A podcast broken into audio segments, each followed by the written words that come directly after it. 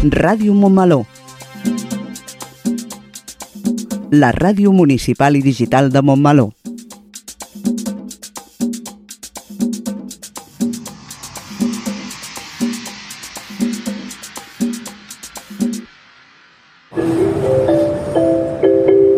Propera parada, Montmeló.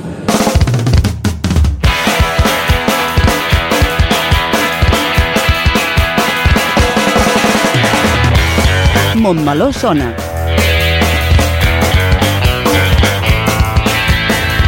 El magazín informatiu de Ràdio Montmeló.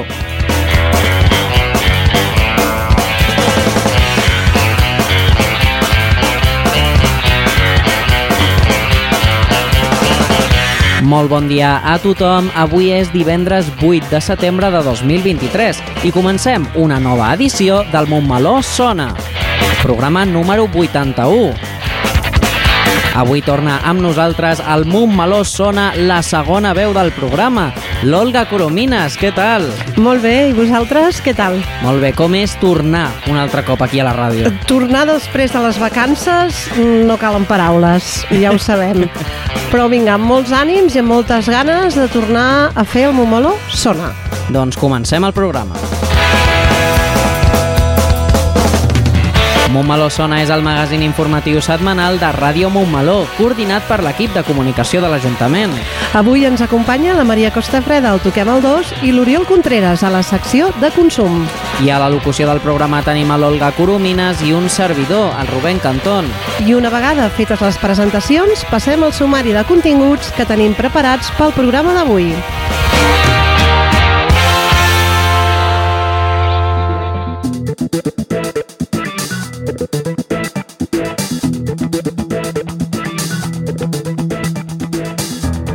Comencem amb el Toquem el 2, on la Maria Costa Freda ens porta al Hielo Festival de Montornès, de la mà de la Mercè Jiménez, regidora de Cultura i Festes de Montornès. Seguirem amb el nostre espai informatiu Crònica de Montmeló, on farem un repàs de l'actualitat del nostre poble. Després farem una ullada a l'agenda d'actes que podem trobar els propers dies a Montmeló. Tot seguit entrevistarem a la Marina Bach i la Montse Comas, coordinadores del grup de terapeutes i del grup de voluntariat de l'associació Som a l'aire de Matadepera. I acabarem amb l'Oriol Contreras de l'Oficina Municipal d'Informació al Consumidor, que ens porta una nova secció de consum parlant de les incidències que ens podem trobar durant les vacances. I com ja sabeu, tot això i alguna cosa més és el que trobarem al Montmeló Sona d'avui, 8 de setembre de 2023.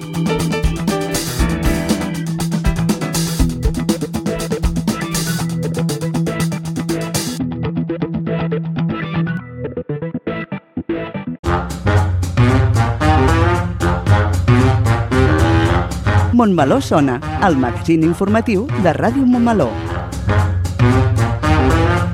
Montmeló sona i sona així de bé.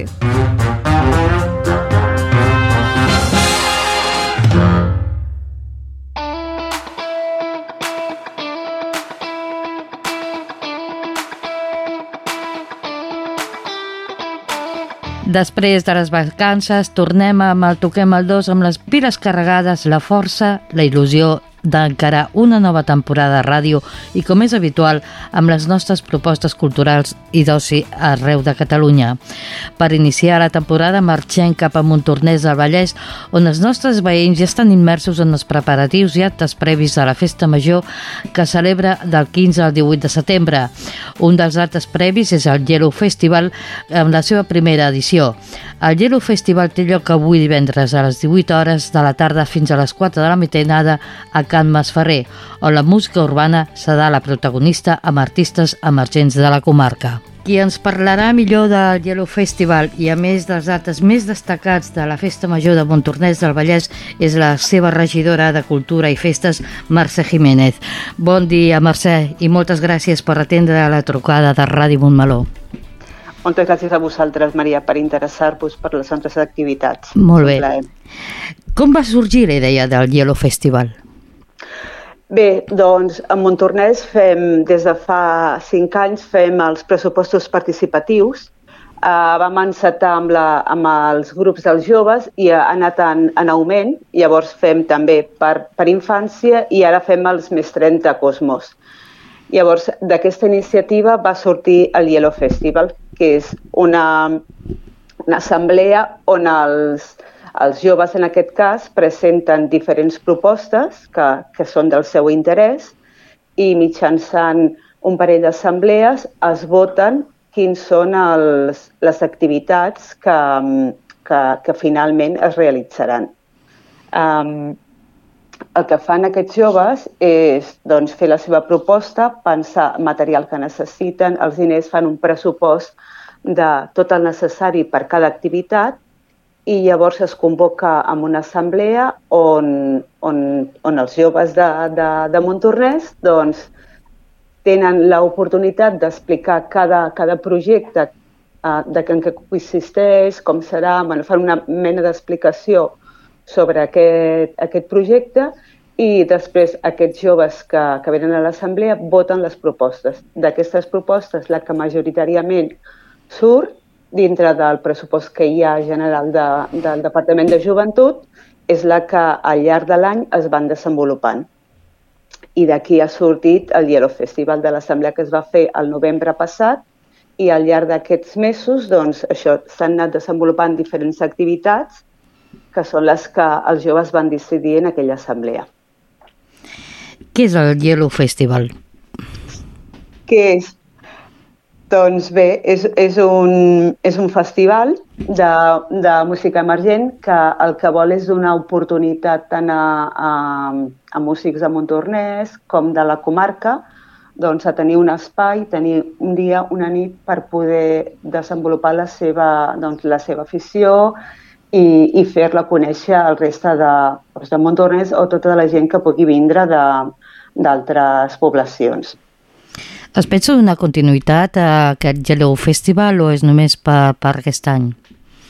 Es creu que sí, que serà continuïtat perquè ha tingut molt èxit. De fet, eh, fa ja uns mesos que es van posar, les entrades són gratuïtes, però es van posar a la venda, a, a, a tocar del, del, del personal i es van acotar de seguida. O sigui, és, eh, totes les propostes que han fet tant per als músics, per... n'hi ha una, una activitat que és el microobert, on, on les, les persones que volien participar s'havien d'inscriure i, i tot això també s'ha esgotat en molt poc temps. O sigui, es creu que sí que serà un festival que tindrà continuïtat en el temps. Alguns artistes a destacar dins del Yellow Festival? Doncs mira, n'hi ha noms, noms tan estranys que, que no sabria ni dir-ho. sí, sí que hi ha 15 grups diferents i el que et deia el microobert, però ahir parlant amb el, amb el tècnic de joventut per preparar una mica eh, les preguntes em deia, mira, n'hi ha noms que són gairebé indescriptibles, però sí que és veritat que, que, que ha tingut molt èxit, que la convocatòria ha estat molt, molt interessant per als músics i, i el que parlàvem abans, que, que segur que, que aquests joves a la propera assemblea tornen a fer aquesta proposta. Doncs llarga vida al Yellow Festival i a la música emergent, que sempre és interessant donar veu a, a els nostres artistes. Sens dubte. I aprofitar també la Masia Masferrer, que és un, que és un espai que, que fa dècades que, que promou la música a Montornès i la comarca per, per, per realitzar aquest, aquest, en aquest espai que és molt bonic, que està molt ben preparat i, i que de la mà de la, dels músics a Masferrer, doncs aquests joves han pogut doncs, tenir l'oportunitat, no? l'acompanyament per fer el festival. Crec que això també és molt important a, a, a dir, a ressaltar, perquè doncs, músics que comencen tinguin el bagatge o l'ajuda d'aquests músics que ja porten uns anys dintre de, de, de, de la música. Mercè, parlem ara de les, dels actes de la Festa Major de, que properament eh, ja se celebrarà a Montornès del Vallès. Sí, doncs mm, comencem, ja el, el cap de setmana passat hi havia algunes activitats esportives i aquesta setmana fer un tastet i l'engròs vindrà la setmana vinent. Uh, aquest matí, per exemple, a la pastisseria Villallonga, anualment, ja des de fa quatre anys, um, fa, uh, les colles, les penyes, els hi fan una comanda. Volem les coses de festa major amb els nostres colors. Llavors, uh, en Jaume Villallonga, doncs, any rere any ens fa unes propostes espectaculars que tenen com a característica els colors de les penyes, el groc i el verd, i que avui fan la seva presentació a la botiga a la botiga, a la pastisseria, i fan un tastet tant per, per tot el personal que, que passi per allà a la vora, que ja any rere any ho saben i es congrega molta gent, i ens presenta aquesta, aquestes postres que es vendran al llarg de la festa major i que habitualment tenen continuïtat en el temps. O sigui, és algo que agrada molt, es fa igualment, es continua durant, durant tot l'any. Mm -hmm. Aquesta seria com la primera, la primera gran, gran activitat. Demà fem una presentació oficial al Teatre Margarida Xirgo, on la clon, la Xurri, ens farà de conductora d'aquest acte i tant les penyes com totes les entitats que d'una manera o una altra presenten una, una activitat, doncs es faran una miqueta d'explicació de, sobre com anirà aquesta, aquesta activitat o aquestes activitats. Continuem a, el divendres ja, aquest, aquest divendres doncs, fem amb el Festival de, de Lielo que parlàvem abans i, i de nou, doncs, la, les penyes tan implicades en la festa major, l'any passat van, van tenir la idea de poder fer la presentació de, de, la, de la cervesa de festa major, en comptes amb un, alta, amb un acte, com es feia en altres anys, en fer una festa de la cervesa. Posar com a punt de mira la cultura de la cervesa, no només veure per veure, sinó saber d'on ve, com es fa i, i llavors l'any passat vam promoure la primera festa de la cervesa, el Birra Fest, i enguany, degut a, doncs, a l'èxit que, va, que va tenir, la tornen a promoure. Llavors, a la plaça Pau Picasso hi haurà la segona, el segon Birra Fest, on hi haurà tastets, on hi ha la presentació de la festa major, eh, hi ha un fruit trucks, n'hi haurà um, comerços de, de Montornès que han decidit doncs, recolzar de nou aquesta activitat i s'espera des de les 5 fins a les 12 a la una de, de, la, de la matinada doncs, diferents activitats per, per gaudir d'aquesta jornada. A part dels actes previs que ja ens has explicat, quines, quines seran els actes més destacables de la Festa Major de Montornès al Vallès, allò que es diu la, el cap de setmana gran? Casa de Massa Gran serà la setmana vinent, doncs en, vindrà com a pregoner el Maclari, que, que enguany tindrà també un espectacle al setembre i, i, i creiem que serà bueno, fantàstic perquè el Maclari és un showman, a part de mag, que, que ens farà doncs, un pregó excepcional. Darrere del, de, del pregó ve una activitat que sempre és molt esperada tant per la gent de Montornès com als voltants, que és la cremada de l'Ajuntament, amb la colla de Diables doncs, tenen any rere any una tasca complicada, millorar i millorar aquesta, aquesta cremada de l'Ajuntament. Són de les activitats de divendres, a part dels concerts que vindrà la Maruja Limón, el Poni Pissador, els DJs de capçalera de Montornès. Uh, dissabte també doncs, n'hi haurà la banda Neon. Uh, a la DJ Trapella, que apostem també per al, sempre, sempre veiem com a músics, potser més al públic, el, els homes, doncs la DJ Trapella és una dona amb força que, que treballa tant fora com dintre del país i, i hem apostat per això. La Fontapa és un dels actes molt, molt destacats dintre de la festa major, una festa gastronòmica acompanyada d'un concert doncs, a la restauració de Montornès doncs, posa a l'abast de, de tothom doncs, unes tapes, uns menjars que es poden gaudir darrere d'un concert que, que és de tarda, que és cap a les 4 de la tarda, comencem de cara al migdia i, i a les 4 hi ha un concert que és com algo excepcional, no? Habitualment els concerts són més aviat de cara a la nit i la Fontapa sempre es fa al migdia. I és una activitat que té, que té molt d'èxit a, a Montornès uh, la batalla de gegants és que és algo imprescindible a Montornès. Uh, els nostres gegants uh, únics doncs, fan la, la batalla, la dansa de la batalla, el divendres de festa major. És l'únic mm, dia que es fa aquesta dansa i que es fa a la plaça Joan Miró, un, un lloc emblemàtic també amb un tornès per ells i que podem gaudir doncs, doncs, d'aquesta doncs, dansa on, on els nostres gegants doncs, es baten en, en duel. Què els diries, Mercè, als montmelonins i montmelonines per tal que vagin a Montornès per gaudir del Yellow Festival i de la vostra festa major? Doncs que, que vinguin, que estem molt a prop, que la, la programació és prou interessant, que, que té cobertura tant a públic més, més jove com més petits, com més grans, per gent gran, per tothom, que n'hi ha concerts superinteressants, activitats culturals, eh, la cultura popular... bueno, jo crec que també els montmelonins ja ens coneixen i sabem que també la fem, la fem grossa i doncs que vinguin, que gaudeixin d'aquests dies de festa i que ens acompanyin. Doncs ens passarem per Montornès per gaudir de la vostra festa major. Moltes gràcies. Doncs moltíssimes gràcies a en Mercè Jiménez, regidora de Cultura i Festes de Montornès del Vallès, per la teva presència a Ràdio Montmeló. Moltes gràcies a vosaltres per convidar-me. I bona festa major. Gràcies. Que me lluevan cero y coma la familia que son los primeros. Amb la Mercè toquem el 2 del Toquem el 2 d'avui.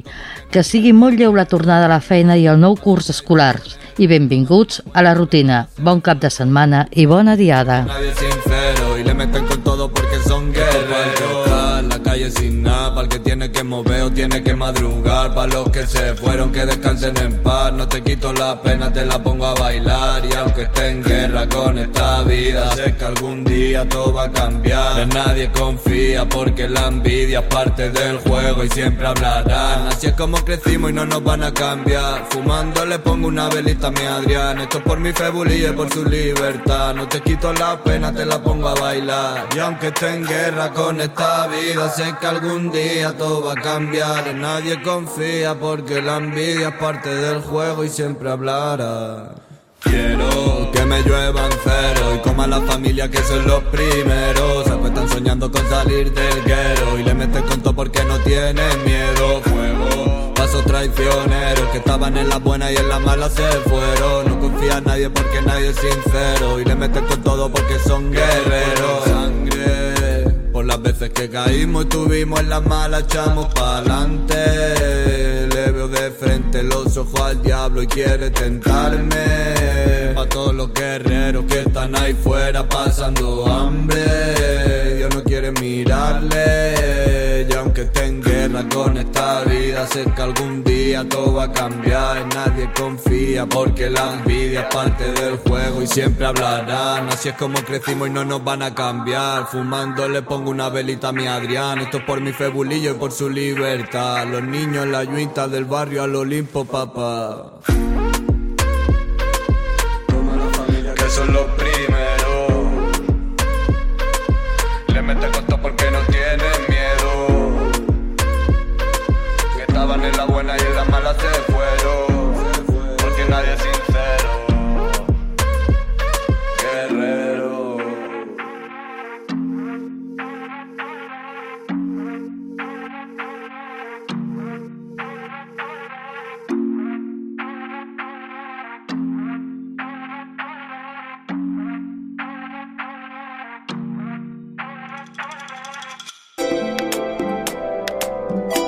Gran gent gran.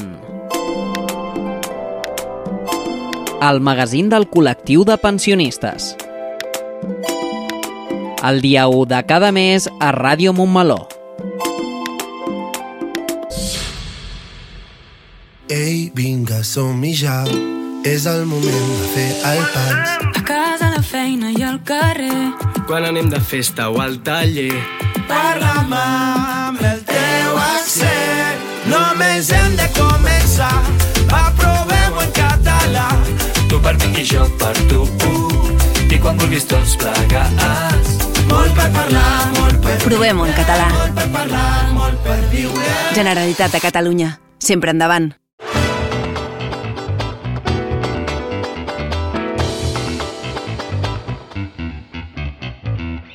Arribem de nou al nostre bloc informatiu Crònica de Montmeló i donem pas una vegada més a les notícies locals més destacades d'avui divendres 8 de setembre de 2023. Aquest és el sumari pel programa d'avui. L'equip de protecció civil de Montmeló ha estat al Canà, una de les poblacions més afectades pel pas de la Dana el diumenge passat. També aquest diumenge 3 de setembre es va tancar la temporada de piscines. Dimecres 6 de setembre va ser el dia de tornada a l'escola per 1.253 infants i joves de Montmeló. Comença el curs a la Torreta amb un total de 9 tallers i un de nou trimestral des d'ara fins al desembre. Aquest setembre torna el programa Jo vull saber, d'aquesta emissora. El 14 de setembre, Montmeló provarà el sistema d'alertes de protecció civil. A més de les notícies d'aquesta setmana, parlarem molt breument sobre l'agenda d'actes que ens espera des d'avui fins al cap de setmana del 16 i 17 de setembre.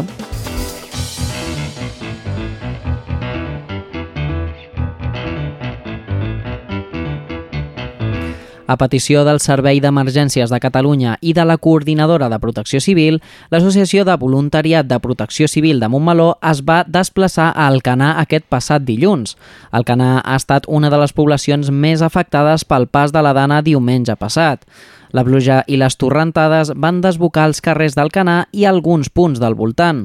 Dilluns, un cop finalitzat el servei efectuat pel voluntariat de protecció civil amb motiu del dispositiu del Gran Premi de Motociclisme, no van dubtar a desplaçar-se fins al Canà per tal d'ajudar a tornar la normalitat a la ciutadania d'aquest municipi. Un cop allà van haver de realitzar tasques de neteja de vies, retirar fang i aigua de l'interior dels domicilis i retirar alguns arbres caiguts. Aquestes són algunes de les tasques que el grup de protecció civil porta a terme de manera voluntària.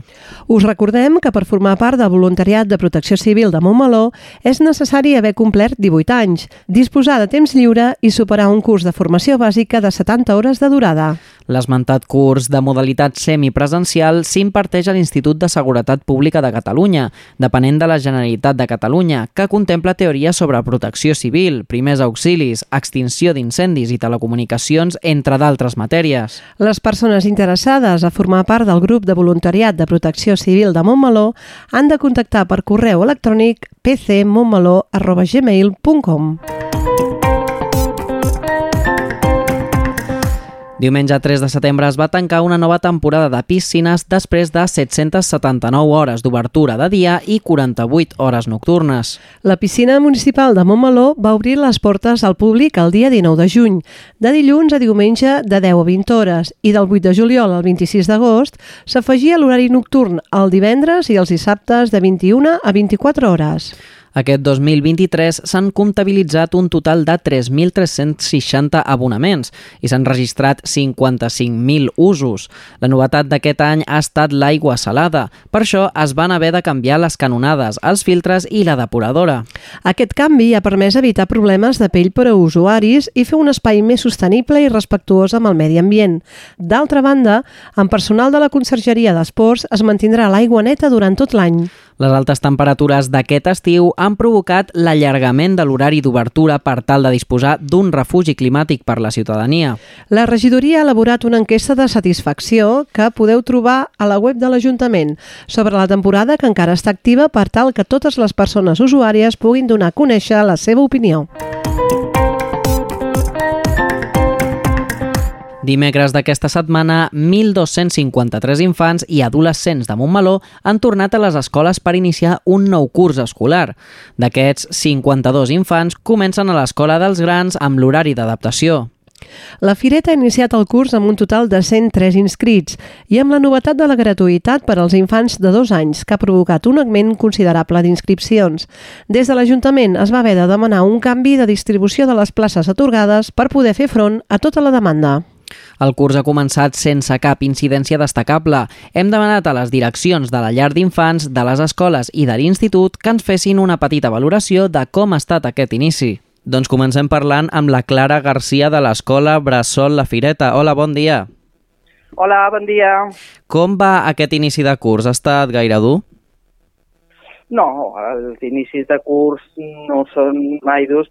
Mm, Per nosaltres són més durs per als nens i per als pares. Nosaltres estem molt acostumades, les, portem molts anys d'experiència. Eh, bueno, eh, a l'escola hi ha 103, dos nens, són molts nens nous, evidentment el període d'adaptació, que vol dir separació familiar, doncs per ells representa un moment molt important. Mm. Evidentment doncs, hi ha plors, hi ha angoixa, Sí, hi ha sí. por, hi ha una mica de tot, no? Però bé, es porta bé, es porta bé. Hi ha hagut alguna incidència destacable? No, no, no, molt tranquil, tot molt tranquil. Nosaltres fem una preparació també a nivell famílies, de com serà, els pares com venen, ja saben exactament com anirà i els preparem i els diem que ploraran, que hi ha una separació familiar, mm. Que han d'estar amb persones desconegudes, que som nosaltres, i que han d'agafar una confiança amb aquestes persones desconegudes.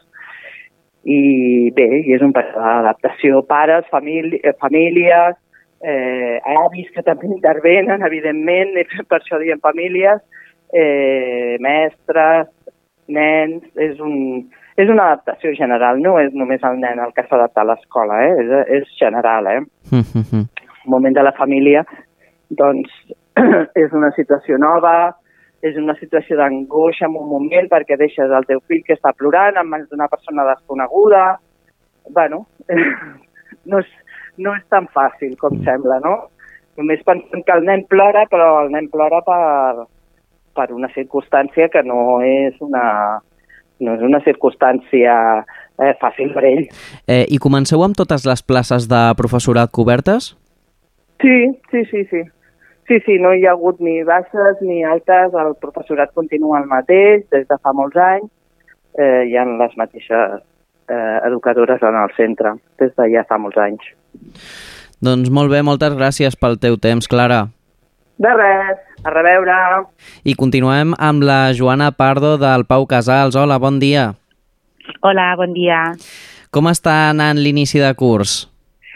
Doncs un inici de curs en principi tranquil, Uh, i tot en principi està funcionant, eh? contents que ens han pintat l'escola, uh -huh. eh, els nens i les nenes amb moltes ganes de, de tornar, de retrobar els amics i en principi prou tranquil, sí. No ha sigut molt dur, no, llavors? No, no. Ha sigut en el sentit que hem tingut pocs dies de preparació. Eh? Mm. Hi ha un tema aquí de calendari que s'ha de treballar amb el departament perquè, perquè ens deixen pocs dies per preparar, però bé, l'essencial ho hem fet, les classes estan mínimament a punt i ja et dic, doncs engegant la maquinària i ja està, passant ja aquesta primera setmana. Mm, no, no hi ha hagut cap incidència destacable? No, nosaltres cap. Bueno, a part del fet, mira, per exemple, curiosament, des d'ahir que estem sense internet i estem mirant de solucionar-ho, no? Però, però com a incidència destacable no, no cap. Estava, estava, L'escola estava a punt, ja et dic que ens han pintat, que hem estrenat alguna instal·lació nova, vull dir que en aquest sentit contents, sí. Uh -huh. I, I per últim, comenceu amb totes les places de professorat cobertes? Nosaltres sí. El que sí que és cert que hi ha algunes persones que van arribar just el dia 1. I clar, mm. aquestes persones mm, laborables només han tingut mm, tres dies no? per, per preparar el curs, per fer-se amb l'escola, per fer el traspàs d'informació, eh? però sí que haig de dir que el dia 1 ja estava tothom aquí, sí. Mm -hmm. Sí, sí. Doncs moltes gràcies per atendre la trucada, ah. Joana.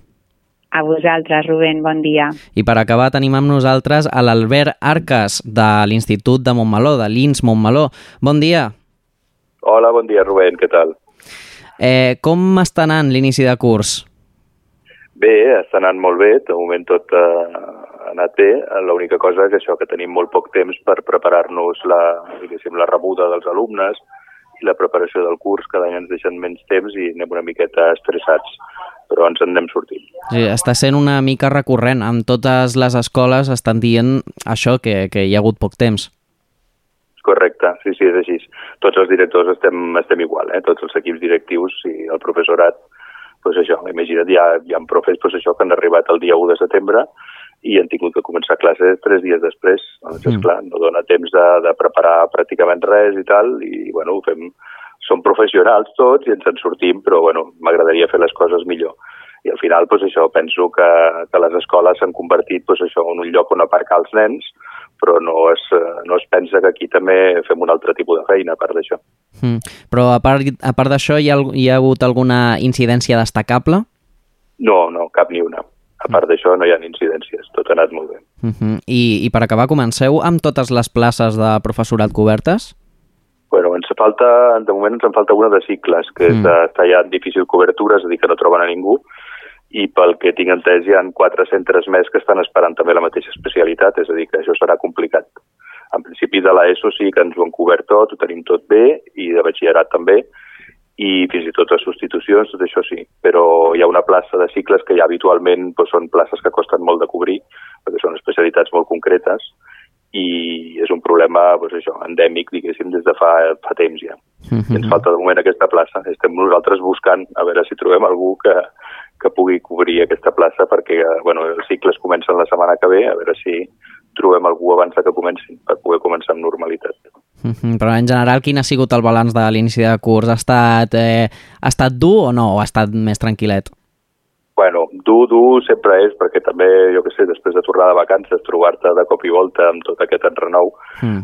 tinc també, doncs això, 11 professors nous que no tenia l'any passat, i clar, vulguis o no, això també donar-los i fer-los una bona acollida doncs, en tan poc temps i que entenguin doncs, una miqueta com funciona l'institut i costa, és una cosa que costa, ens dona molta feina, però, però bueno, mm, ho hem fet, eh, ja està.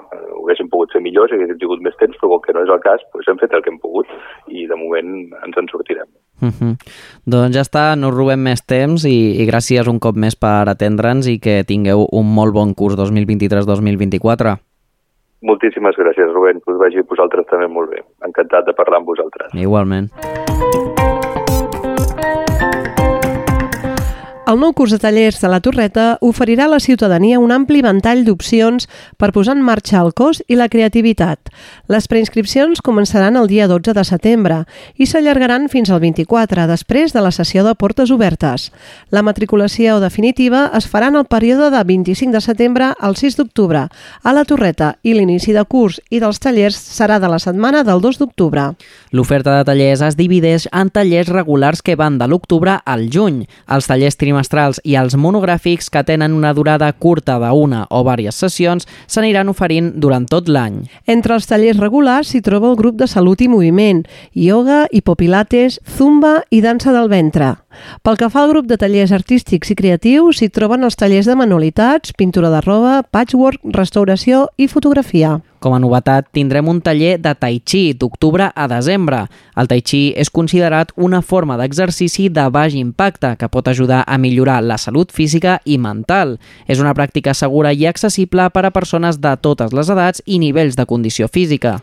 Per tal d'arribar a més gent i amb la voluntat de mostrar el ventall de tallers d'enguany, la Torreta oferirà uns dies de portes obertes, on la ciutadania podrà fer un tastet dels tallers regulars durant la setmana del 18 al 22 de setembre. Cal reservar plaça trucant al Centre Cultural La Torreta al 93 572 10 33 o al mail torreta arroba montmeló.cat. Aquestes classes de demostració es faran dintre dels següents horaris. Pintura de roba, dilluns 18 de 16 a 18 hores. Dansa del ventre, dilluns 18 de 18 a 19.30 hores. Restauració, dilluns 18 de 18 a 20 hores. Manualitats, dilluns 18 de 18.45 a 20.45 hores i divendres 22 de 11 a 13 hores. Zumba, dilluns 18 de 19.30 a 20.30 hores, dimecres 20 de 20.15 a 21 a 15 hores i dijous 21 de 18 a 19 hores. Hipopilates, dimarts 19 de 9.30 a 10.30 hores i dijous 21 de 17.30 a 18.30 hores, de 18.45 a 19.45 i de 20 a 21. Tai Chi, dimarts 19 de 17.30 a 18.30. Patchwork, dimarts 19 de 18.30 a 20.30 i dimecres 20 de 18.30 a 20.30. Yoga, dimarts 19 de 19.15 a 20.45 i dimecres 20 de 17.30 a 19 hores i de 19.45 a 20.45 hores. Fotografia digital, dimecres 20 de 18.45 a 20.45. Per poder fer les preinscripcions online s'ha habilitat un formulari des del web de l'Ajuntament i per a aquelles persones que requereixin d'ajuda se'ls atendrà presencialment a la torreta en horari laborable de 10 a 13 hores i de 4 a 8 de la tarda o al telèfon 93 572 10 33. En cas que algun grup tingui més preinscripcions que places disponibles i amb la intenció de donar oportunitats a tothom es realitzarà un sorteig de places el dia 26 de setembre. El programa Jo vull saber del mes de setembre es publicarà dijous 28, darrer dijous de mes. En aquest programa l'alcalde contestarà tota una bateria de preguntes de la ciutadania. Teniu fins dimecres 27 per enviar les vostres preguntes que es traslladaran al programa. Els protagonistes d'aquest programa sereu vosaltres, la ciutadania i l'alcalde de Montmeló. Fins al dia abans de l'emissió del programa, dimecres 27 de setembre, podeu fer arribar a l'alcalde les vostres preguntes, dubtes i inquietuds sobre les qüestions del municipi municipi que ens afecten a tothom. Per fer-ho podeu enviar un correu a la ràdio, radiomo.montmeló.cat o bé una nota de veu o un WhatsApp al telèfon 637 150 702 amb les vostres dades i la pregunta o tema que vulgueu saber. El programa Jo vull saber es publicarà al web en format podcast el darrer dijous de mes i el dimecres anterior a les 18 hores s'emetrà la gravació per Instagram, on també podreu fer arribar les preguntes en directe. Resumint, el programa Jo vull saber del mes de setembre serà el 27 de setembre a les 6 de la tarda. La gravació del programa pel canal d'Instagram de l'Ajuntament i de la ràdio serà en directe i el 28 de setembre a les 5 de la tarda es farà la publicació del podcast al web radiomontmeló.cat.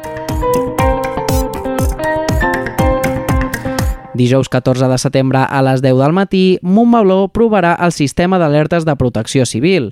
És una eina pensada per traslladar a la població les instruccions que ha de seguir de forma immediata per protegir-se i evitar danys quan es trobi a la zona afectada per una emergència, catàstrofe o accident greu.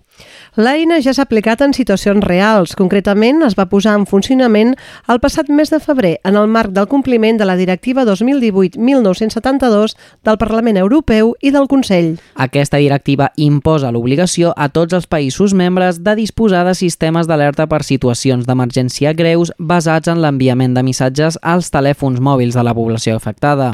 Atès que el sistema té un important impacte social per la seva capacitat de difusió massiva, des de Protecció Civil de la Generalitat de Catalunya s'està realitzant una àmplia campanya de difusió d'aquest sistema. S'ha previst una prova el dia 14 de setembre a les comarques del Barcelonès, el Vallès Occidental, el Vallès Oriental, el Maresme i el Baix Llobregat.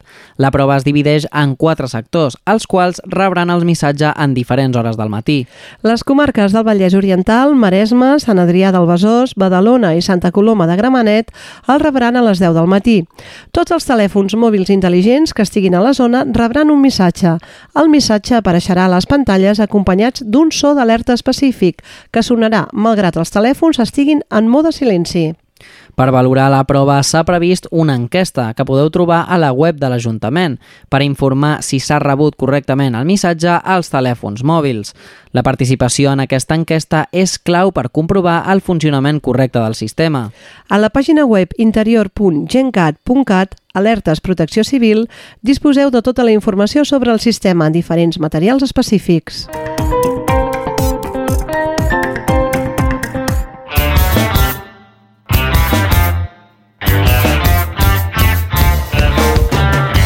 Iniciem el bloc de l'agenda d'activitats culturals que comencen amb els actes de la Diada. Aquestes són les activitats programades per aquest cap de setmana i pel proper. Dilluns, dia 11 de setembre, la penya Blaugrana de Montmeló organitza l'ofrena floral a la plaça Rafael Casanovas de Montmeló, amb motiu de la Diada Nacional de Catalunya. L'acte començarà puntualment a les 11 del matí, amb la lectura del manifest de 2023, l'ofrena floral de les diferents entitats locals i una audició de sardanes a càrrec de la Cobla Súria. L'acte es tancarà amb un vermut de germanor. Del 12 al 30 de setembre, el museu reobre les seves portes amb l'exposició El primer pas. Es tracta d'una mostra pictòrica de la montmelonina Núria Fontanet. Un viatge introspectiu en què es permetrà conèixer la seva visió personal del món i de l'art. L'horari per visitar és de dilluns a dijous de 10 a 14 hores i els divendres de 17 a 20 hores.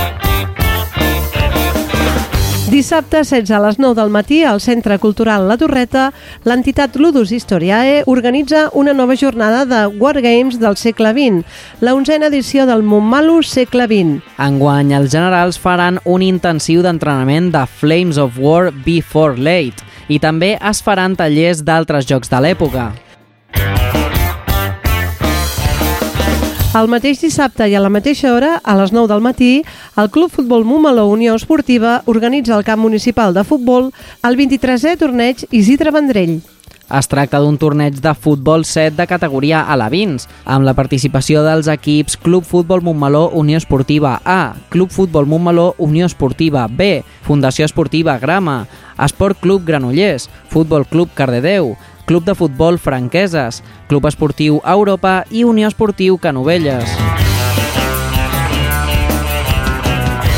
Diumenge 17 de setembre, a les 9 del matí, una nova edició de la Caminada Saludable de Marxa Nòrdica, amb sortida des de la plaça de la Vila. És una activitat oberta a totes les persones que vulguin iniciar-se en aquesta tècnica tan senzilla i a la vegada tan saludable. Si no tens bastons, te'ls deixem. Per inscriure's cal que envieu un correu electrònic a salut arroba montmeló.cat. I també diumenge, dia 17, a partir de les 11 hores del matí, Mons Observants obre les seves portes. Vine a conèixer un dels jaciments romans més importants de la península ibèrica. Visita lliure de 11 a 14 hores. No volem tancar la nostra agenda d'activitats de la setmana sense recordar-vos que setembre és el mes de les inscripcions i matriculacions. Comença el curs als centres educatius reglats i també comença el curs als centres i equipaments municipals no reglats. Setembre també és l'inici de les temporades d'activitats esportives, dels diferents clubs i instal·lacions relacionades amb qualsevol esport pels infants i joves. Per tot això, setembre és per excel·lència el mes de les inscripcions. L'oferta a Montmeló és molt àmplia. Els centres educatius no reglats, com el Centre de Formació de Persones Adultes i l'Escola de Música, ja han reobert les matrícules del nou curs. L'Oficina de Català inicia nous cursos a tot arreu. S'inicien els cursos de tallers al mes d'octubre i les inscripcions durant aquest mes. El Casal de la Gent Gran també reobre durant una setmana més les inscripcions als seus tallers, igual que el Centre Cultural La Torreta, que a partir del 12 obre el període de preinscripcions als tallers d'aquest nou curs 2023-2024. I per acabar, el pavelló obre les portes als infants de l'escola esportiva i a tothom qui vulgui inscriure's a les activitats dirigides de la nova temporada. I no ens oblidem de la nova temporada que comença l'Estació Jove a partir de la setmana vinent i dels cursos de formació laboral que després d'un mes d'agost de vacances es reprenen a les instal·lacions de la G2M. Aquestes són les ofertes que Montmeló ofereix a infants, joves, públic adult i persones grans. Hi ha per triar i remenar i ho podràs veure a l'agenda mensual que aquesta setmana arriba a les llars de Montmeló i que a hores d'ara ja tens en format digital al web municipal. Informa't sobre horaris i preus de cadascuna d'aquestes ofertes i tria la que més s'adapti a les teves necessitats o desitjos. Doncs això és tota la informació municipal que teníem pel dia d'avui. Tot això i algunes coses més les podeu veure, sentir i llegir a les xarxes municipals i al web municipal montmeló.cat o a l'agenda mensual.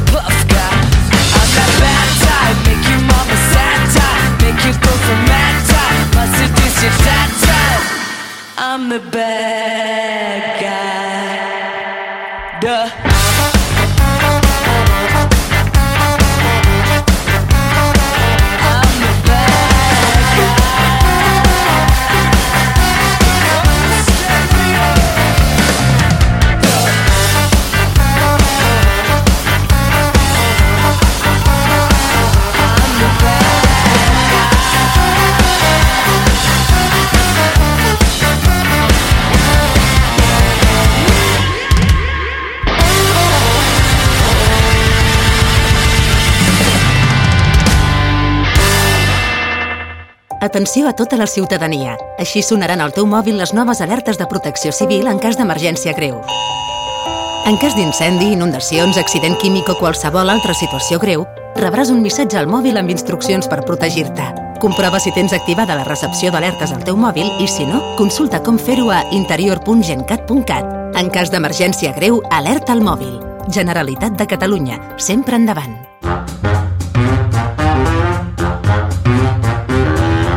Montmeló sona, el magazín informatiu de Ràdio Montmeló. Montmeló sona i sona així de bé.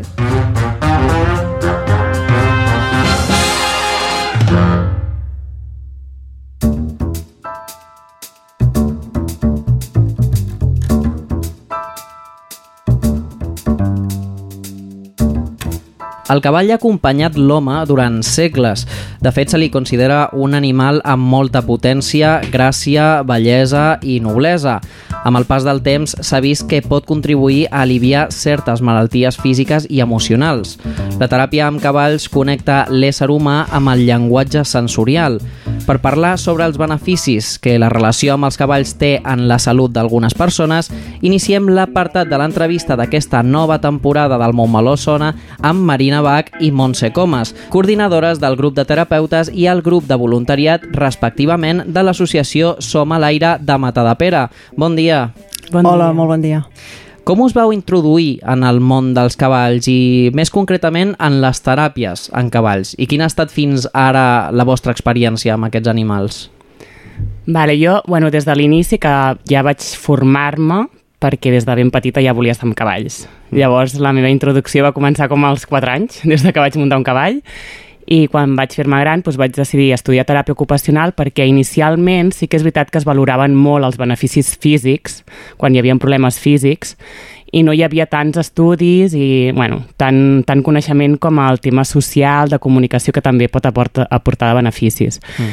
Llavors, bueno, vaig estudiar teràpia ocupacional i a partir d'aquí has de fer com una formació concreta um, per entrar a fer la hipoteràpia o teràpies assistides amb cavalls. Uh -huh. Llavors aquí ja em vaig introduir de ple pues, a fer més formació, a aprendre del cavall, a fer més d'home, d'home natural, per conèixer-los i conèixer tot el que és el món tant del cavall com dins de la teràpia. Mm. S'ha de tenir algun tipus de eh, capacitació concreta per treballar en aquest camp? Sí, has de ser de base terapeuta, que mm. pot ser metge, psicòleg, logopeda, um, hi ha diferents tipus, eh? perquè això s'ha anat ampli ampliant cada cop més dins del sector el que és social, educatiu eh, i mèdic.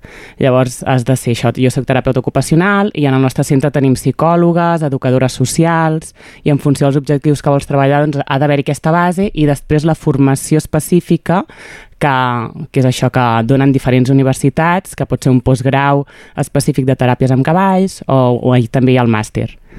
Eh, I quins tipus de teràpia es poden realitzar amb els cavalls i quins són els beneficis de la seva pràctica? Com contribueix al benestar de les persones?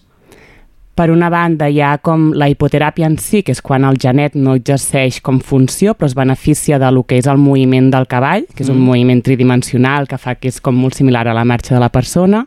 Per altra banda, hi ha la part més social, més de comunicació, que hi ha molts beneficis en, en dificult, amb nens o persones que tenen dificultats en comunicar i a nivell emocional sobretot també hi ha molta repercussió aquí que cada cop hi ha, bueno, que és el que s'està com en expansió, no? com un treball més de, de treballar pues, la consciència d'un mateix, la relaxació, perquè el cavall et fa com de, de mirall, no? Són, sí. són animals supersensibles i van molt bé per treballar com aquesta consciència i treballar com l'autoconeixement de les emocions. Mm. I quines persones es poden beneficiar més d'aquest tipus de pràctica?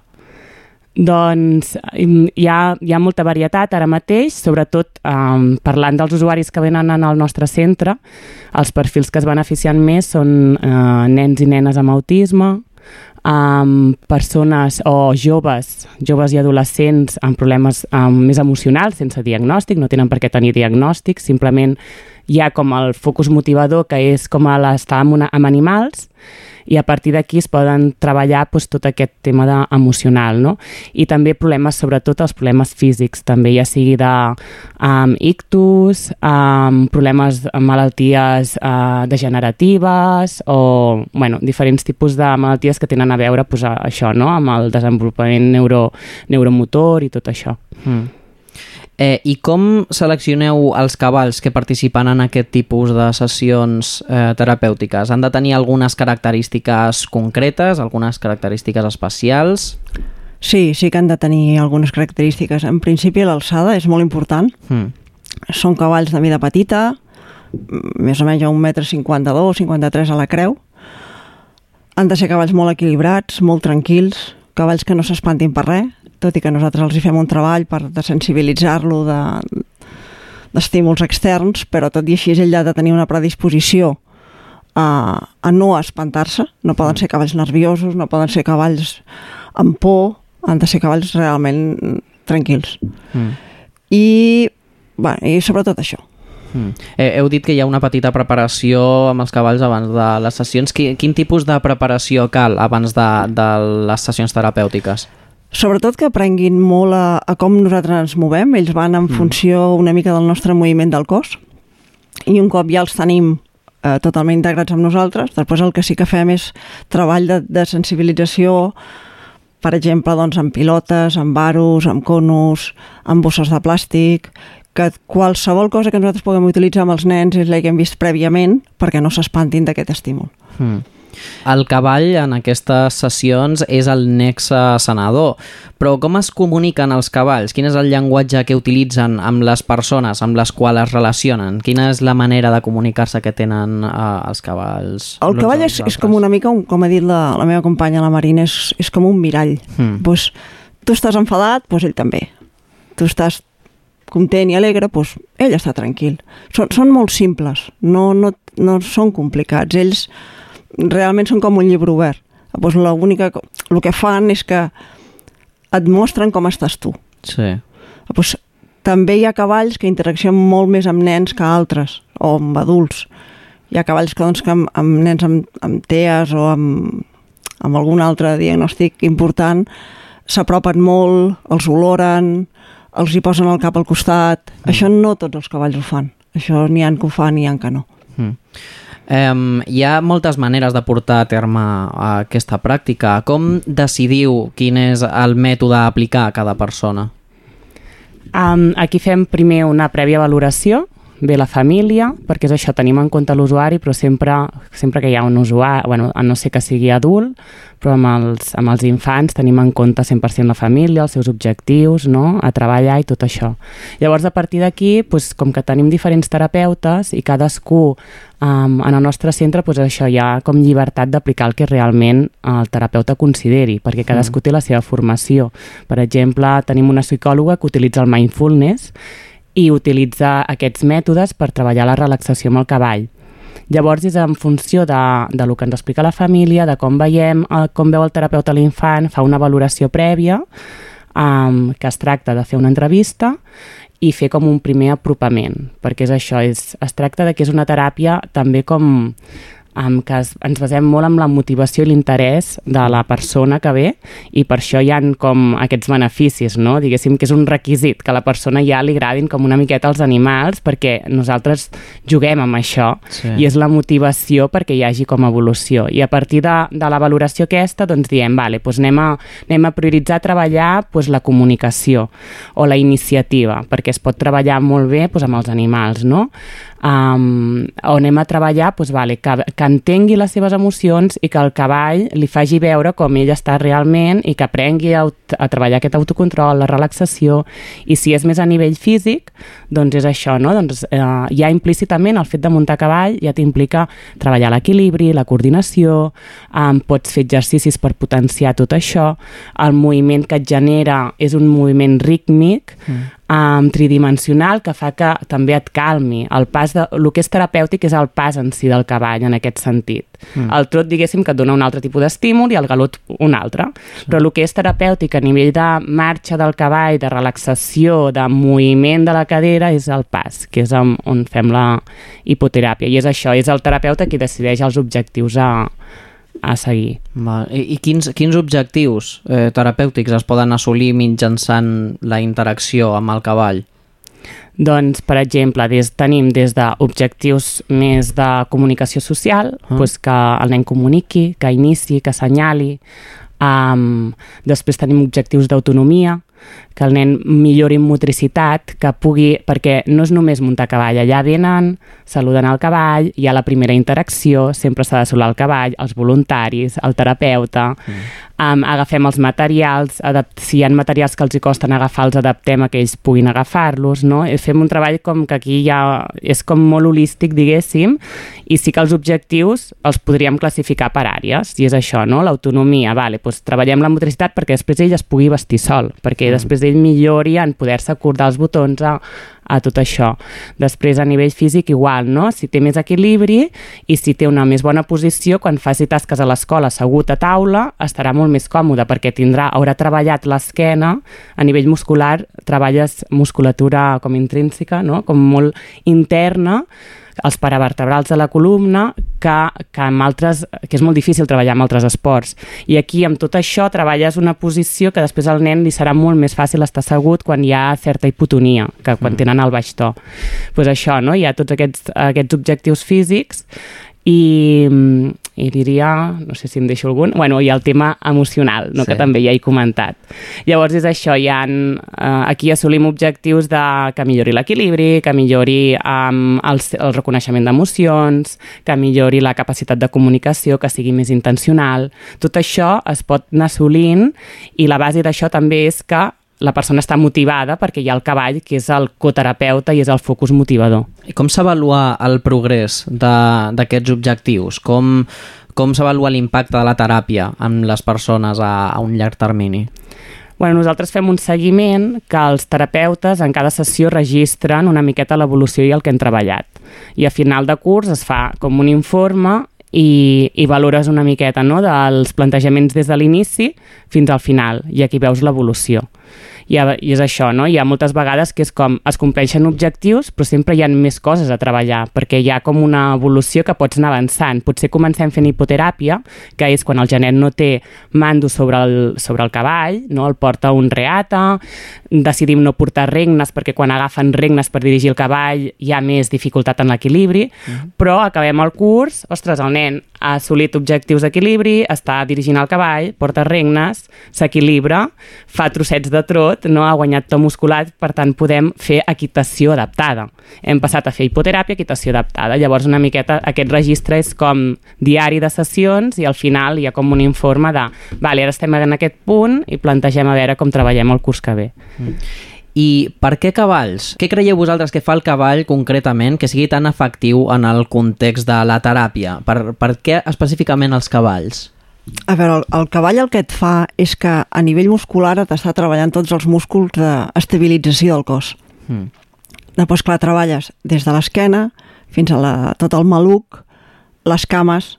Doncs quan tu baixes del cavall, el teu to muscular ha millorat moltíssim. Mm. Doncs si això ho fa regularment, tot i que tu siguis una, una persona que no puguis fer activitat física durant el rest del teu dies o el rest del teu dia, sí que mentre estàs davant del cavall el fas. I això és el que et dona aquesta equilibri i estabilitat. Si millores equilibri, millores estabilitat, millores la qualitat de vida. Mm. I a partir d'aquí és una mica el que diu la Marina, de que tu pots tenir una vida mm, més normal que no pas si no ho fas. Els voluntaris també tenen un paper bastant important en l'organització. Eh, quin paper desenvolupa el voluntariat a la vostra organització i concretament durant les sessions de teràpia amb els cavalls? A veure, el nostre, la nostra associació és que sense voluntaris no estaria, no funcionaria. Penseu que nosaltres tenim per cada nen hi ha un cavall, un terapeuta i dos voluntaris. Perquè un voluntari és el que porta el cavall i l'altre voluntari és el que ajuda el terapeuta i a la seguretat del nen. L'agafa si en cas de que tingui molt poca estabilitat, està per ell o està amb els seus jocs o participa en la seva dinàmica o, o la seva teràpia. Pues, si ens fallen els voluntaris mm, és que no podem fer una teràpia. Mm.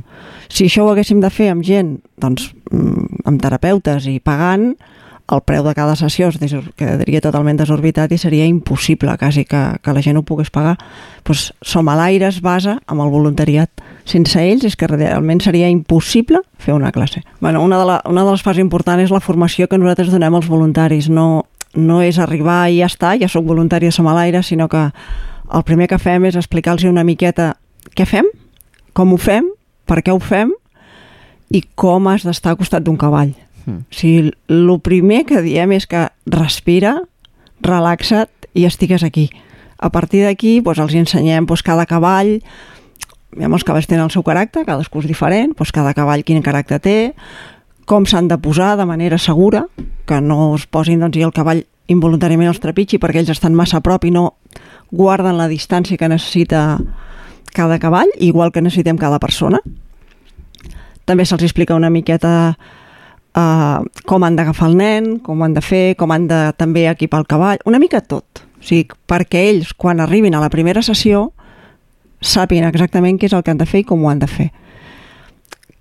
Que no faiguin, per exemple, uh, coses que ens trobem, no? que el cavall es mou i algú xiscla. No, el cavall es mou, ningú xiscla. Aquí no es crida, aquí no, no fas un moviment brus, no fas... Totes aquestes coses s'han d'haver dit abans, s'han d'haver parlat abans i s'han d'haver practicat una miqueta abans, mm. perquè si no doncs, la gent s'espanta. Doncs, tal com deia la Marina, no podem... No tothom és capaç de portar un cavall, has de tenir un caràcter especial, has d'estar molt allà en aquell moment, has d'estar molt segur del que fas, perquè si no el cavall, com tu dubtis, doncs ell dubta i es para. No es mou. Fins que tu no decideixis cap on vas, ell doncs, ja et decidiràs. Mm. Aleshores, han de ser persones eh, amb un caràcter molt tranquil, han de ser persones que generalment ja han tingut alguna relació amb cavalls, i si no l'han tingut, tothom comença d'auxiliar, i a partir d'aquí nosaltres sempre observem les persones que tenen aquest més a més, aquest caràcter o, o aquest saber estar i després mica en mica els anem ensenyant a, a portar cavalls. Eh, com s'involucren amb la planificació i, i organització, coordinació de les sessions? Hi ha un voluntari que és el que porta el cavall, Uh -huh. és a dir, que l'agafa, ajuda a preparar-lo i després és el que el dirigeix. El t'agafa per una corda i el porta doncs, a fer o excursions a la muntanya o treballs a la pista, segons el que mani el terapeuta, que ell sempre és el que, el que ho dirigeix tot.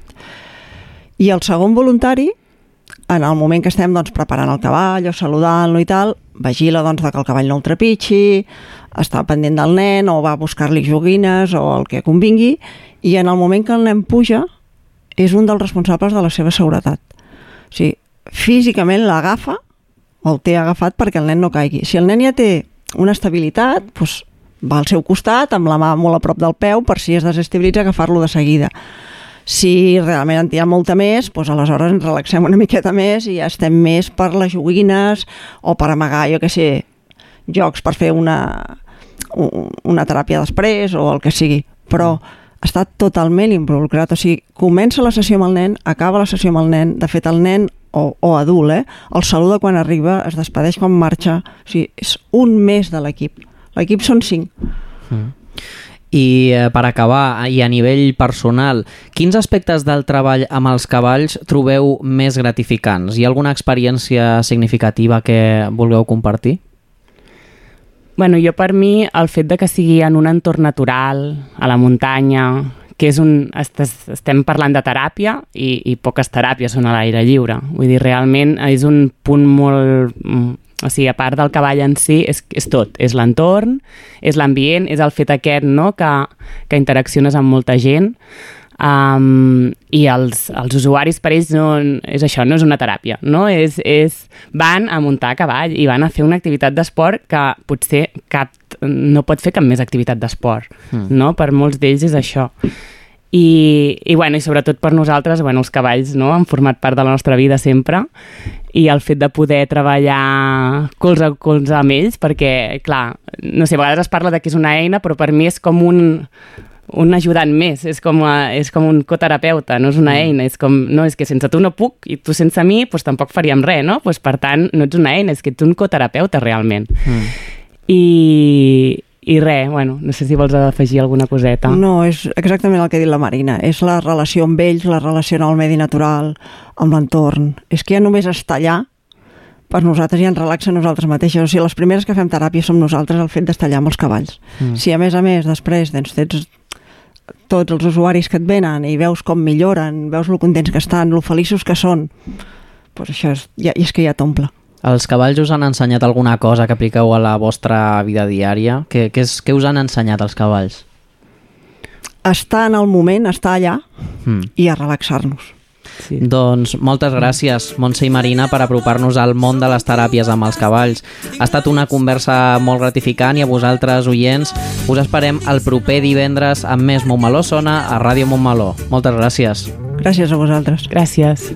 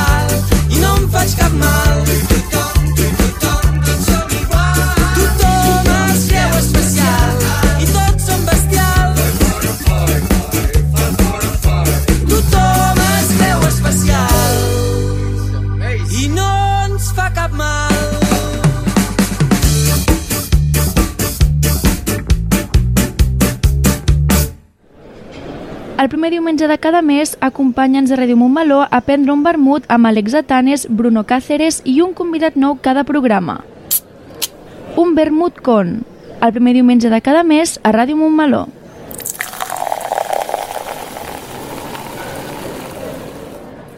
T'imagines un lloc on descobrir, on explorar? Un lloc on llegir, aprendre i compartir? Tot això i molt més a la teva biblioteca. La Diputació de Barcelona i els ajuntaments posem al teu servei 228 biblioteques i 10 bibliobusos per apropar-te a la cultura i el coneixement. bibliotecavirtual.diva.cat Diputació de Barcelona.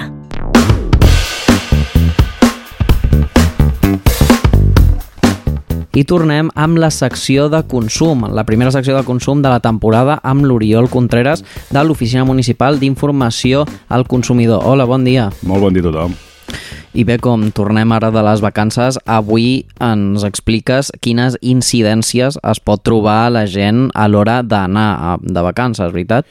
Doncs mira, aquest és, eh, comentava abans, no?, fora d'antena, que aquest és el, no et diré el primer, perquè fa molts anys que hi soc, fa, fa més de 20 anys que estic no, amb aquesta professió, però és casualment l'any que eh, més reclamacions estic tenint, per exemple, de companyies aèries. Mm. Val? Les companyies aèries se'n reclamen durant tot l'any i manté un nivell. Potser a l'estiu hi ha més vols, lògicament, la gent potser viatja més per vacances, però tampoc havia tingut mai un volum exagerat. Pot ser coincidència o no, oi? Però jo et comento el que he percebut, que he notat doncs, un increment tant amb la cancel·lació de vols, amb el retard de vols, eh, amb la pèrdua de maletes...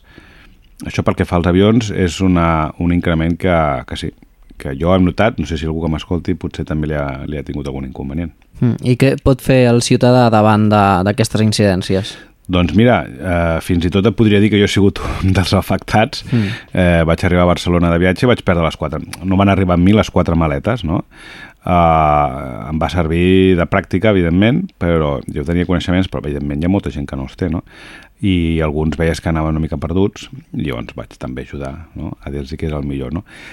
Evidentment, el primer que s'ha de fer és sortir de l'aeroport amb un parte, eh, el que és en del PIR, no? Mhm. el parte d'incidència, que un dels casos que jo he tractat eh, doncs van tenir que sortir de l'aeroport sense el parte d'incidència perquè els sistemes informàtics, en concret en un viatge a Sicília, els sistemes informàtics eh, estaven col·lapsats o no funcionaven perquè hi havia hagut els incendis de Sicília i just havien obert l'aeroport feia una hora per, per, perquè també el tenien tancat pels incendis, vull dir que tot una mica caòtic i van haver de sortir sense, sense el parte d'incidència. No? El, el part aquest d'incidència eh, t'informen dins l'aeroport que has de fer això en el moment en el que... Eh, per exemple, en el cas de les maletes, mm. igual que m'ha passat a mi, aquest cas de Sicília, eh, on hi ha les cintes, no? les cintes de, de transport de les maletes, en els mateixos eh, espai de les cintes ja hi ha l'oficina, que no és de cada una, o sigui, cada companyia no té la seva, sinó que normalment va per grups, no? I en allà hi ha les oficines. Pràcticament en tots els aeroports, no? una mica civilitzats, Mm. doncs on hi ha les cintes ja hi ha aquestes oficines de reclamació. Per tant, tot aquell que no li arribi la maleta, el que ha de fer és esperar, fer cua i sortir d'allà amb el parte. Aquesta persona a Sicília, pel que t'he comentat, va sortir sense, sense aquest parte i realment després s'ha- es, es veu, perquè m'ho ha explicat, que tot el procés següent de reclamació doncs és més costós i fins i tot li posen traves doncs perquè que si no queda acreditat, que si queda acreditat, que si vostè la va rebre realment després 5 dies i no 3, vull dir, realment és important tenir aquest document, Mm. no? I si s'ha de fer cua, com jo vaig fer en el meu cas, cua, potser vaig estar una hora i mitja, però és que mm, l'altra opció és fer-ho per la web de les pròpies companyies, però primera és més eh, complicat, més enrebaçat, si tu surts de l'aeroport ja no pots tornar a entrar i si aquella web no et funciona bé o no et fa cas o no acabes bé el procés, ja no tens una marxa enrere. Per tant, sempre és molt important, en el cas de pèrdua de maletes, sortir de l'aeroport amb aquest parte d'incidència on en un document et diuen un número de seguiment, eh, et pregunten evidentment quan es troben a on les han de portar, perquè en el meu cas era quan ja he arribat a casa. Però Mm. pot passar quan m'estàs a destí. Llavors tens que donar doncs, també el nom de l'hotel o d'on estiguis, una petita descripció de les maletes eh, i, i amb això doncs, fan el seguiment. S'acostumen a trobar, és pèrdua per pèrdua, no, però en algun cas pot haver-hi la pèrdua total. Què passa? Durant els primers cinc dies, des de que perds les maletes, eh, és una empresa que es dedica simplement aquest transport de maletes, que no té res a veure amb la companyia aèria, i durant els primers cinc dies és aquesta empresa la que gestiona la búsqueda i fins, te porten a casa o a l'hotel la maleta. A partir del cinquè dia, fins al 21è dia, doncs és la companyia aèria qui se'n fa càrrec. Tu tens que llavors traslladar la reclamació, ara sí per internet, a la Vale. companyia aèria. Pues si és Vueling, si és Swissair, si és la que sigui, i li comuniques aquesta pèrdua de maleta. Un cop transcorregut el 21è dia, es considera legalment, tot i que pot aparèixer algun dia, eh? es considera legalment la, la maleta perduda, ja definitivament, i llavors la pròpia companyia tu li has de reclamar la indemnització, Vale. que té un tope per persona, per maleta, de 1.100 i pico d'euros. Tope. I aquí és on hi ha el problema, que ningú té declarat ni facturat, no té tiquets de la roba que porta dintre d'una maleta, i menys si pues, comprat un regal o el que sigui, no? Llavors sí. aquí és quan la discrepància, per tant, pot existir molta discrepància, per tant és important realment i creuar els dits de que te la trobin abans del 21è dia, abans de dir ja està desapareguda i ara anem a indemnitzar, perquè mai t'indemnitzen realment el que hi ha dintre d'una maleta. És una mica qüestió de sort, no? Sí, en aquest cas sí. Això és pel que fa a la, cancel·lació, a la pèrdua o retard en el lliurament de la maleta. En el cas del retard, doncs perquè l'avió pel que sigui surt més tard del que tu havies previst, doncs ja hi ha unes indemnitzacions establertes, si és més enllà de les 3 hores de, de retard, i aquestes reclamacions, aquestes indemnitzacions establertes, que va segons la, la distància, no és el mateix d'aquí a Menorca que et cancel·lin un vol, ai, que te'l retracin, que d'aquí a Cuba, no? La indemnització és més alta, però ha de transcorrir més de les 3 hores. Llavors has de reclamar a la pròpia companyia. I si la companyia no et fa cas, l'Agència Estatal de Seguretat Aèria, un organisme del Ministeri que està a Madrid i que té una web i que si algú, evidentment, ha de fer la reclamació pot venir a l'Ajuntament que l'assessoraríem, Mm. doncs fa el seguiment d'aquest tràmit. No amb la pèrdua de maletes, però sí amb el retard de l'avió. Mm. D'acord? I què més pot, bueno, i pot succeir després? La cancel·lació del vol. Miri, doncs aquest, aquest vol no surt. Sí. El que sigui, no, no, no mai et diran la veritat, però aquest vol no surt. Li, llavors t'han de donar eh, allotjament, el sopar, l'esmorzar, el dinar, el que, fins al següent vol. Vale. Vale? Eh, I amb, el- a no ser que tu, doncs, pel que sigui, decidis comprar un altre bitllet, llavors hauries de demanar la indemnització d'aquest altre bitllet. En la cancel·lació del vol també tens una indemnització semblant, per no dir idèntica, a la del retard. Eh? Clar, si tu te'l cancel·len és com un retard, tot i que voles. És a dir, en el cas del retard no et donaran potser l'hotel, eh, però sí que en el, en, en el de la cancel·lació sí, perquè aquell dia no surt l'avió, sortirà l'endemà o cap de dos dies, però en tots dos casos hi ha un retard, tant en el retard com en la cancel·lació, per tant tu pots reclamar també igualment quan arribes a destí.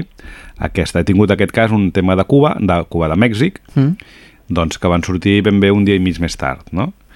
Eh, bé, com això causa un inconvenient al final. Mm, Si és de tornada potser no tens inconvenient de perdre un hotel, de perdre un, un enllaç, però simplement, escolti, jo he pagat per tornar el dia tal perquè puc anar a treballar o pel Sí. que sigui. En aquest cas crec que la persona volia, volava via Lisboa, per exemple, i doncs, tenia la idea de passar-se 12 hores, que era l'enllaç, a, a Lisboa. Doncs això s'ho ha perdut. Bueno, doncs això s'ha d'indemnitzar. Llavors aquesta persona està reclamant la indemnització per aquest retard. Doncs clar, pensa que de Mèxic aquí supera els 1.500 quilòmetres i pot sortir fins a 600 euros per persona. Mm. Vull dir que és una bona indemnització. Sí, eh? sí. Perquè si són, eren persona, una família de quatre, doncs et surten més de 2.000 euros. Eh, clar, de tot un avió, que això és, és veritat, tot un avió de 200 o 300 persones, d'aquests grans, quanta gent sap que pot reclamar? Quanta gent té un lloc on reclamar una oficina de consumidor en el Mm. seu municipi? Doncs d'un avió de 200 o 300 te'n quedaran 50 o 40.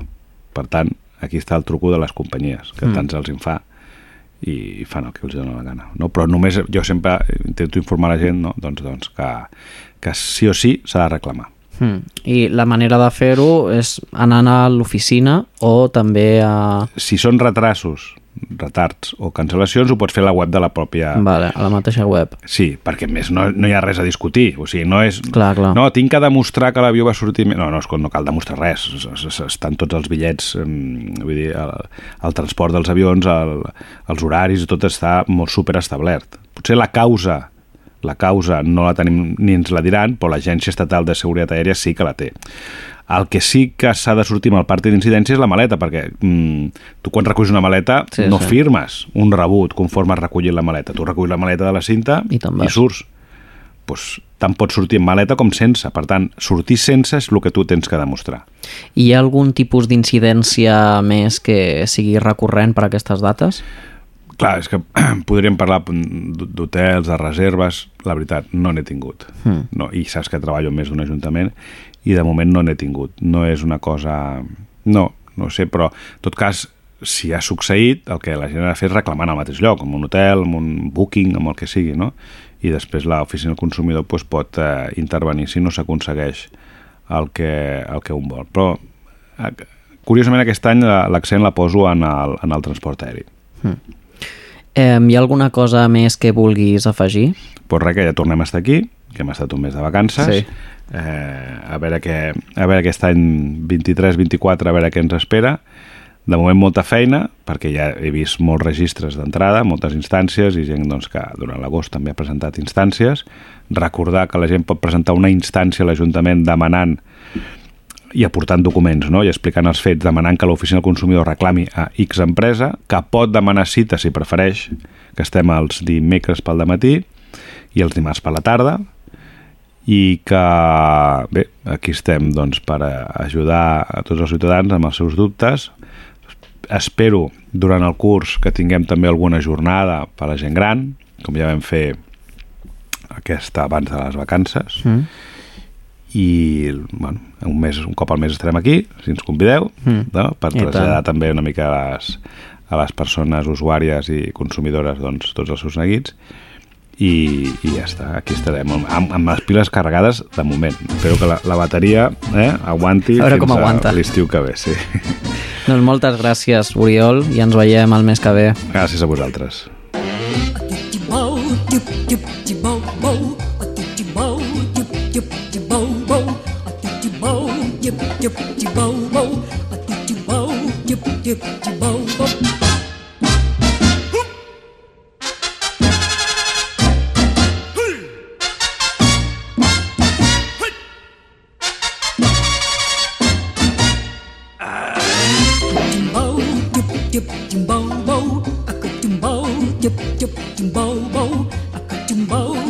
chụp chùm bâu bâu chụm bâu chụp chùm chùm bâu bâu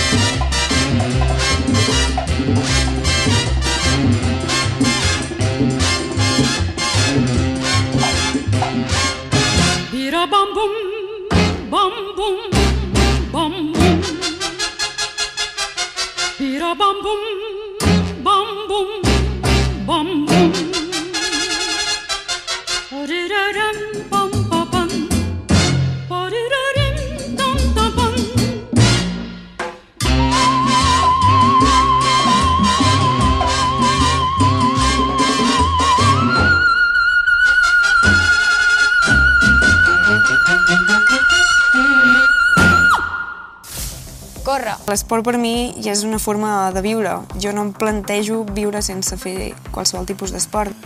Desconnexió. Deixar de banda tot el que hagi passat al llarg del dia i poder-me centrar en alguna que al final em fa feliç. Mou-te. L'esport t'ensenya a superar-te, a afrontar reptes i aconseguir els teus objectius. Uh, tinc tot el dret de poder patinar. Jo, quan era petita, no tenia referents femenins. Ara tinc a, a dones amb qui fixar-me i dir buah, jo vull ser com ella. Activa't. Realment hi han coses més importants que fer esport? És una part molt important de la nostra vida. Viu! No ho deixis perquè algun dia podries ser tu referent per a altres nenes petites. Fes esport, el que més t'agradi i sobretot no ho deixis. És superimportant en totes les etapes de la nostra vida. Corre, Mou-te. Activa't. i viu La Diputació de Barcelona amb l'esport femení.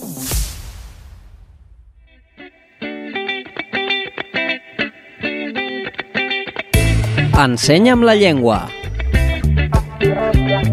Un programa de l'oficina de català amb Susana Corxo. El tercer divendres de cada mes a les 5 de la tarda.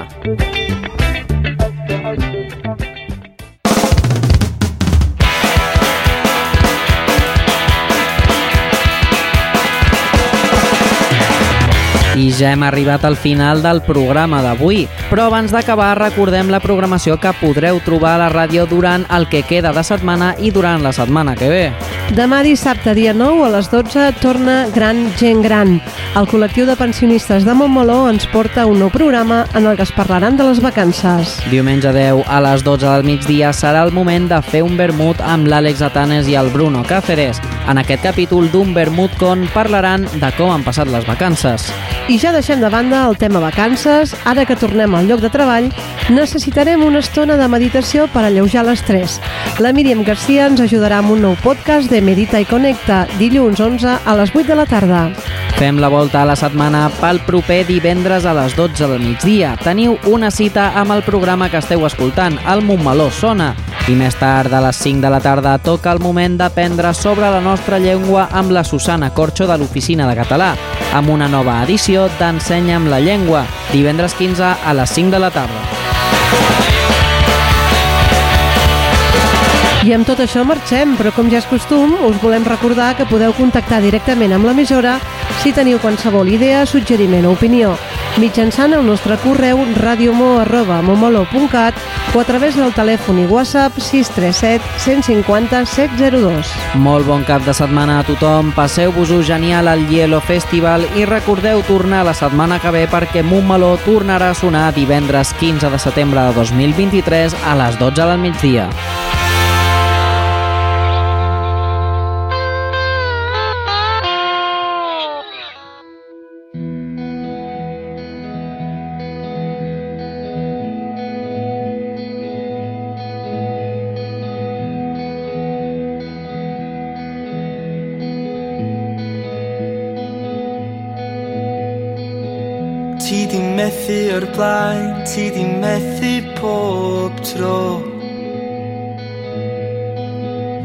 gael y borffan sygrada ffamilia i geisio byw a bod. Ti'n canu, ti'n mynu, ti'n caru, ti'n machlyd fel seren yn y glas. Ond ti'n ysu am y blas. Ooh, Catalonia.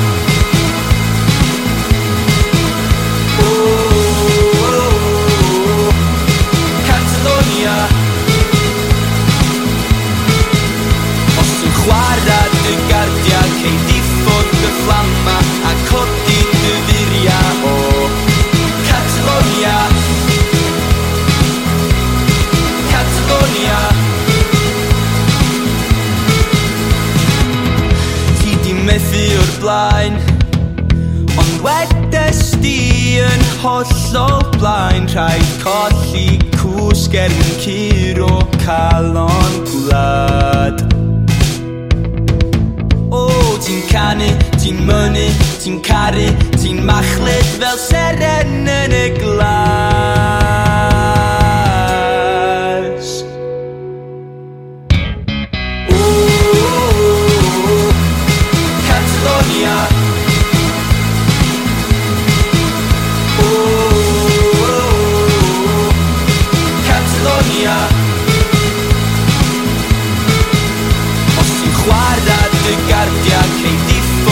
は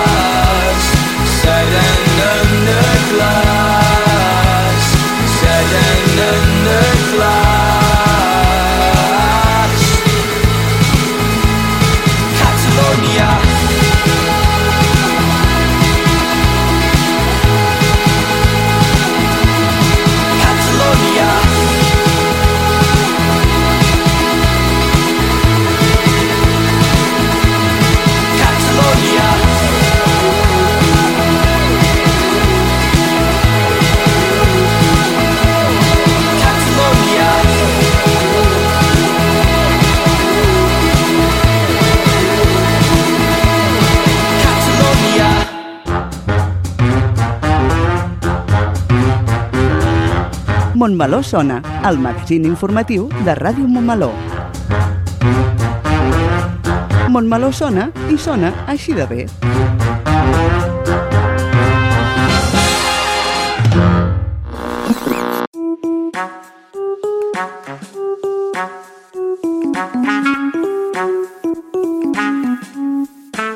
Ràdio Montmeló. Sintonitza'ns al web radiomontmeló.cat i a través de les xarxes d'Instagram, Facebook i Twitter. Ràdio Montmeló, la ràdio municipal i digital de Montmeló.